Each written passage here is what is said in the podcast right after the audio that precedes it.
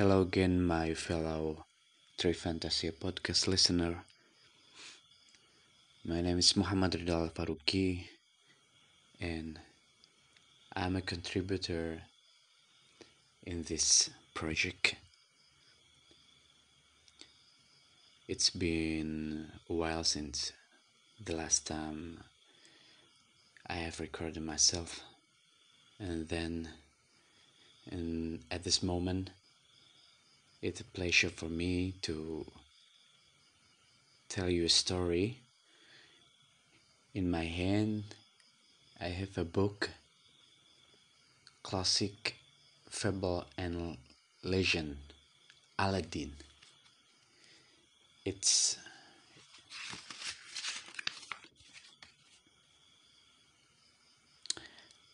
Ladybird books are widely available so ladybird this is uh, publishing.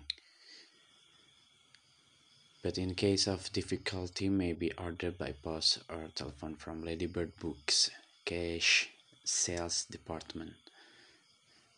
This is catalog of the, this book and uh, aladdin has retold by molly perham. I will start this story and enjoy this episode. Aladdin A stranger stood watching Aladdin. In a large city in China, there once lived a tailor called Mustafa. He was very poor and found it hard to provide enough food for himself, his wife, and his son, Aladdin. When Aladdin was old enough to learn a trade, Mustafa began to teach him how to use a needle. But Aladdin was lazy and preferred to play in the street with his friend. There was nothing Mustafa could do to make Aladdin work, the poor tailor became ill with worry, and soon he died. Aladdin's mother thought that certainly now Aladdin would earn some money, but time went by and Aladdin was just as lazy as ever.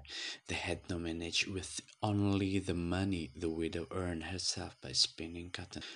One day, a stranger stood watching Aladdin as he played in the street, the stranger was a magician and thought that Aladdin appeared to be just the kind of boy he was seeking to carry out his plan.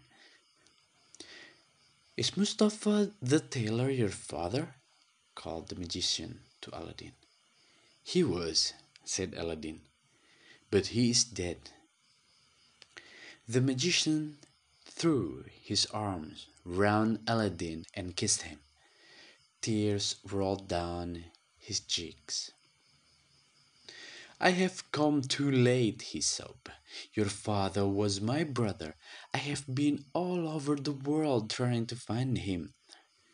Then the magician asked Aladdin where he lived and gave him some money. Take this to your mother and tell her that I will come and see her tomorrow. Aladdin ran home immediately. Mother, he called. My uncle came up to me in the street today and gave me this money to help us. He wants to come to visit us tomorrow. Uncle? You have no uncle? said Aladdin's mother. She didn't know what to think. Her husband had never spoken of a brother, but they were poor and hungry, so she kept the money and used it to buy food for their supper. The stranger came as promised and said that he would like to set his nephew up in a shop so that he could make a good living. To prepare him, he took Aladdin into the wealthy part of the city and bought him fine new clothes. Then one day they set off through the city gates, past large palaces with lovely gardens, until at last they came to a narrow valley between two mountains. Now you will see wonderful things that no one has ever seen before, said the magician. Gather some dry sticks to kindle a fire. When the fire was blazing fiercely, he threw incense into the flames and spoke some magic words. The ground shook beneath their feet and opened up to reveal a square stone with a brass ring in the center. Aladdin was so frightened that he wanted to run away, but the magician caught hold of him. You have seen my power, he said firmly. And now I want you to do something for me. Pull that stone up by the ring. Aladdin took hold of the ring and found he could lift the stone with hardly any effort. Below the stone there was a cave with steps leading down into darkness. Listen carefully, said the magician. Go down into that cave, and at the bottom you will find a door that leads into three great halls. In each hall you will see four large brass vessels full of gold and silver. Do not touch them and take care that you don't touch the wall or you will die instantly. At the end of the third hall, there is a door that leads into a garden of fruit tea. Walk straight along the path, although you may pick some of the fruit along the way if you wish. At the end of the path, you will find a lamp in a niche of the wall. Bring the lamp to me. After he had given this instruction, the magician took a ring off his finger. This ring will keep you from harm, he told Aladdin. Now do as I say and we will both be rich for the rest of our lives. So Aladdin went down into the cave and found the three halls and the garden, just as the magician had described them. The trees were loaded with extraordinary fruit of many different colors. Some were pure white and others as clear as crystal. Some were pale red and others green, blue, purple, and yellow. He could hardly believe the dazzling sight before him. Aladdin took down the lamp and tucked it into his waistcoat. Then he filled his pocket with fruit and returned through the three halls and up the step where the magician waited for him. Give me the lamp, said the magician harshly and you will be able to get out more easily. No, said Aladdin, who was beginning to distrust the man who claimed to be his uncle. Help me out first, and then I will give you the lamp. Neither of them will give way to the other. The magician became enraged and, shouting some magic words, threw more incense into the fire. The stone fell back into place, trapping Aladdin inside the cave. For two whole days, Aladdin remained helpless in the cave.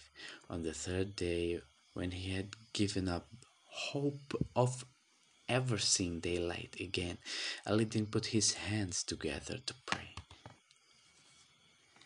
As he did so, he happened to rub the ring that the magician had given him. At once, an enormous genie appeared before him. I am the slave of the ring, said the genie.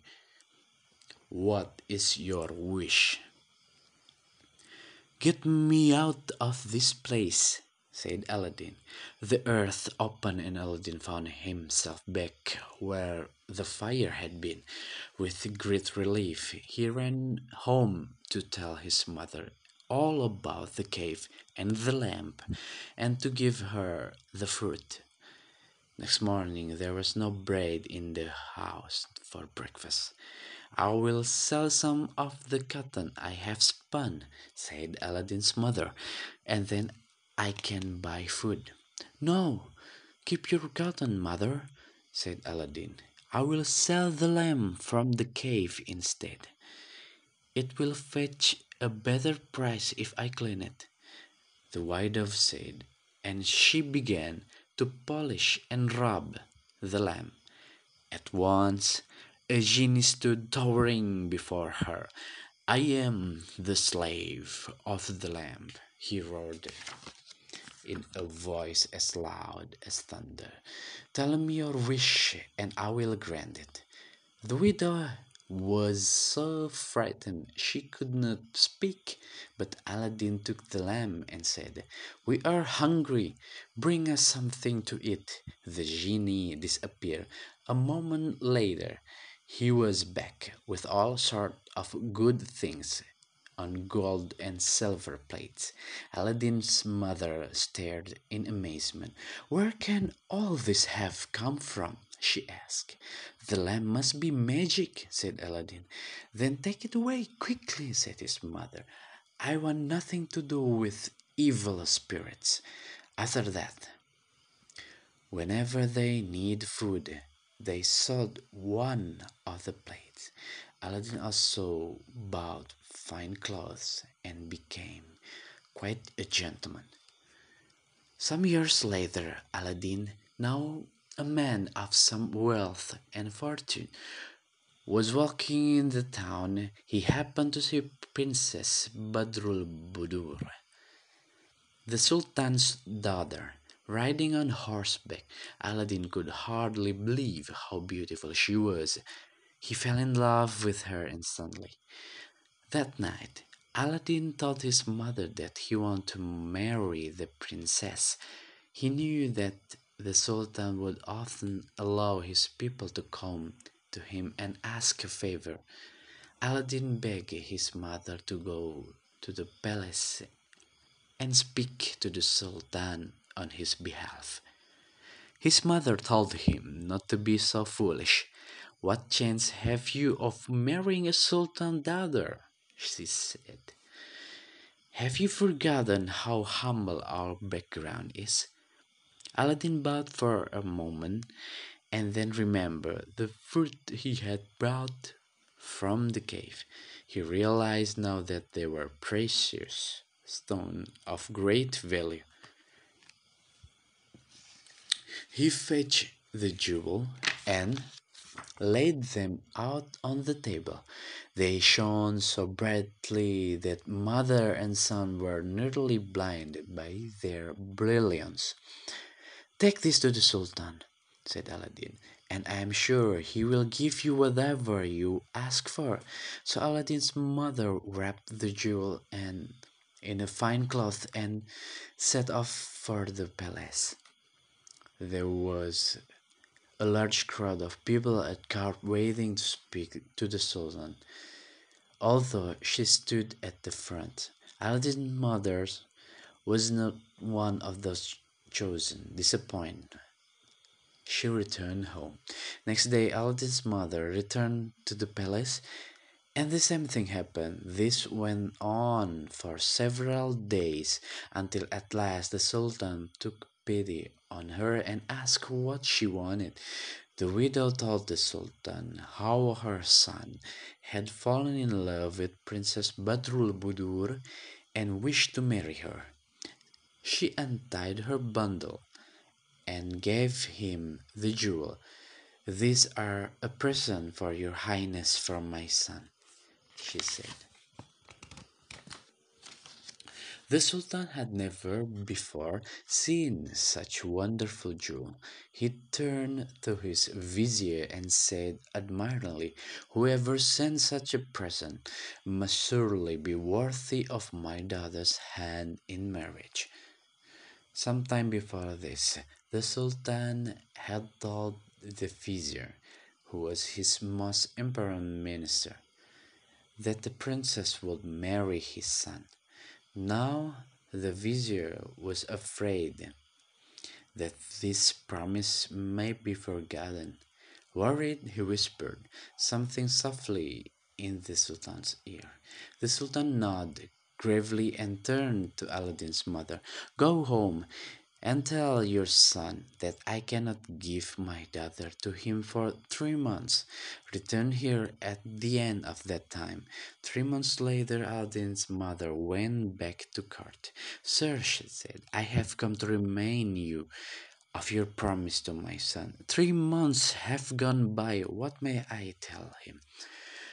When the Sultan turned the widow way. He had thought that she would never come back. He asked the vizier what he should do next. Set such a high price on your daughter that he will not be able to pay it, suggested the vizier. So the Sultan said to Aladdin's mother, Tell your son I will keep my words as soon as he sends me forty large basins made of the purest gold, filled with precious stone like those you have already given me, and carried by forty slaves. Aladdin was waiting to hear his mother's news. When she told him what the Sultan had said, she added, I think it best that you forget the princess, my son. I do not suppose for a moment that you will be able to meet the Sultan's demands. But as soon as she had gone out, Aladdin took the lamb and rabbit. The genie appeared at once and asked him again, What is your wish? Aladdin told the genie what he wanted. In a very short time, the genie came back, bringing him Forty slaves dressed in silk robes that were decorated with many precious stones. Each slave carried a gold basin full of jewels. Go to the court with this at once, said Aladdin to his mother. Tell the Sultan they are for him. People stop, stop by to watch as the exotic procession wound its way through the streets to the palace. They had never seen such riches before. The Sultan too could hardly believe his eyes. At last he turned to the vizier and said, Well, vizier, what do you say now? It was the vizier's duty to make a reply that would please the Sultan. So he said, Sir, the greatest treasure in the world should not be compared to Princess Badrul Budur. But the Sultan no longer hesitated. The sight of such immense riches persuaded him that whoever had sent them was worthy of his daughter. Go, my good woman, he said to Aladdin's mother, and tell your son that I welcome him with open arms. The widow lost no time in telling her son what had happened. Aladdin went to his room and fetched the lamb. No sooner had he rubbed it than the genie appeared to do his bidding again. Genie, said Aladdin, I want the most magnificent robe that anyone has ever seen, and a horse more splendid than any in the Sultan's stable. The saddle, bridle, and harness should be made of the finest leather, studded with jewel. Then bring me twenty richly dressed slaves to walk by my side, and twenty more to walk in front. I also want ten thousand pieces of gold in ten purses. When the genie had brought everything he asked for, Aladdin mounted the horse and set off for the palace. The street was thronged with people who shouted and cheered as the slaves threw the gold pieces among them. The Sultan was delighted to see that Aladdin was young and handsome as well as rich, and the princess fell in love with him at first sight. The Sultan gave orders for the marriage to take place right away. Before I marry the princess, I must prepare a home for her, said Aladdin. So that night he rubbed the lamp again and said to the genie, Build me a house of the finest marble, set with precious stones. The furniture shall be of solid gold, and the gardens full of the sweetest scent flowers. Next morning, the house was ready. Aladdin married the princess, and for some time they lived in happiness. All this time, the magician had been away from China. It was not long before he heard that Aladdin had not only become a rich man, but also a prince, and that his princess was the lovely Badrul Budur, daughter of the Sultan. He knew that Aladdin must still have the lamp, and he thought of a clever plan to get it back from him. The magician bought some new lamp and waited until Aladdin had gone away for a few days. Then he walked up and down the streets outside the house calling out, New lamps for all, new lamps for all. Princess Badrul Budur heard him calling and thought of the, the old lamp that Aladdin kept beside his bed.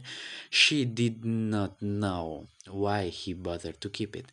How pleased he will be to have a new one, she said to her maid, and she sent the girl out to exchange it. As soon as the magician had the lamp, he gave it a rub, and the genie appeared. Take Aladdin's house and everything in it far away to Africa, he ordered. He planned to live there with the princess and enjoy Aladdin's wealth. When Aladdin returned and saw that his house and the princess were no longer there, he knew that the magician had tricked him. The lamb was gone, but he remembered the magic ring and gave it a rub. I am the slave of the ring, said the genie. What is your wish? Take me to the princess, said Aladdin. The genie carried him through the air to Africa, where the house now stood. Aladdin and Princess Badrul Budur embraced each other joyfully. Then Aladdin gave the princess a small phial and said, Tonight, when the magician is not looking, empty this poison into his wine. At the first opportunity that evening, the princess did as she had been asked. As soon as the magician drank from his glass, he fell back dead. The lamp belonged to Aladdin once more, and he made a final wish take us and our home back to where we were before. This the genie did, and Aladdin and his princess lived together in happiness for many long years. That's it. Thank you for listening this to this story, A Legend of Aladdin. It's quite a remarkable story.